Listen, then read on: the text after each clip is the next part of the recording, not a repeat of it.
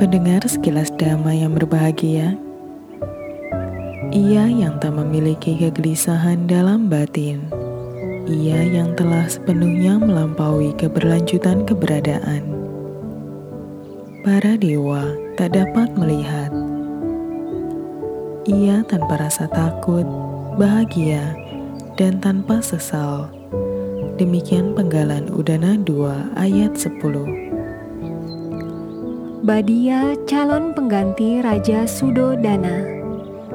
Ketika diajak menjadi biku, Anuruda mengajak saudara mereka yaitu Badia. Badia Kali Godaya Puta adalah keturunan Raja Sakya di Kapilawatu. Ketika itu, Badia telah ditunjuk untuk menjadi raja, menggantikan ayah Sang Bagawa, Raja Sudodana. Tetapi ia menolak dan pergi menjadi biku. Tak sampai setahun menjadi biku, Badia menembusi Arahata. Setelah suci, biku Badia sering berseru, "Bahagianya, bahagianya." Mendengar seruan ini, para biku mengira Badia sedang teringat bahagianya ketika menjadi pangeran. Mereka lalu menemui Bagawa dan melaporkan hal ini. Sang Bagawa lalu memanggil Badia.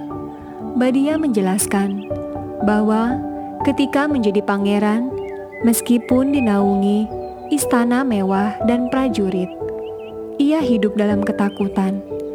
Namun kini, meski hidup di alam liar, di tempat sunyi, ia hidup tanpa takut.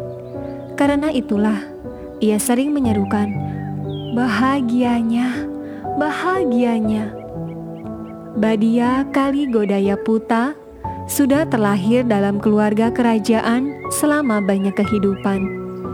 Tekad kuat untuk lahir dalam keluarga kerajaan terbentuk karena perbuatan baik pada masa Buddha Padumutara yang ia lakukan sampai akhir ayatnya. Karena itu, Sang Bagawa menganugerahinya gelar biku yang unggul dalam tinggi status keluarga. Nantikan sekilas dama episode berikutnya yang berjudul Tujuh Jenis Istri.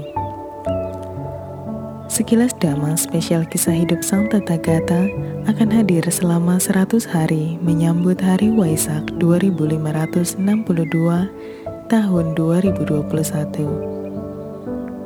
Sekilas Dhamma dapat didengarkan melalui Spotify dan channel YouTube Cetia Dhamma Dayada dengan kata kunci Sekilas Dhamma.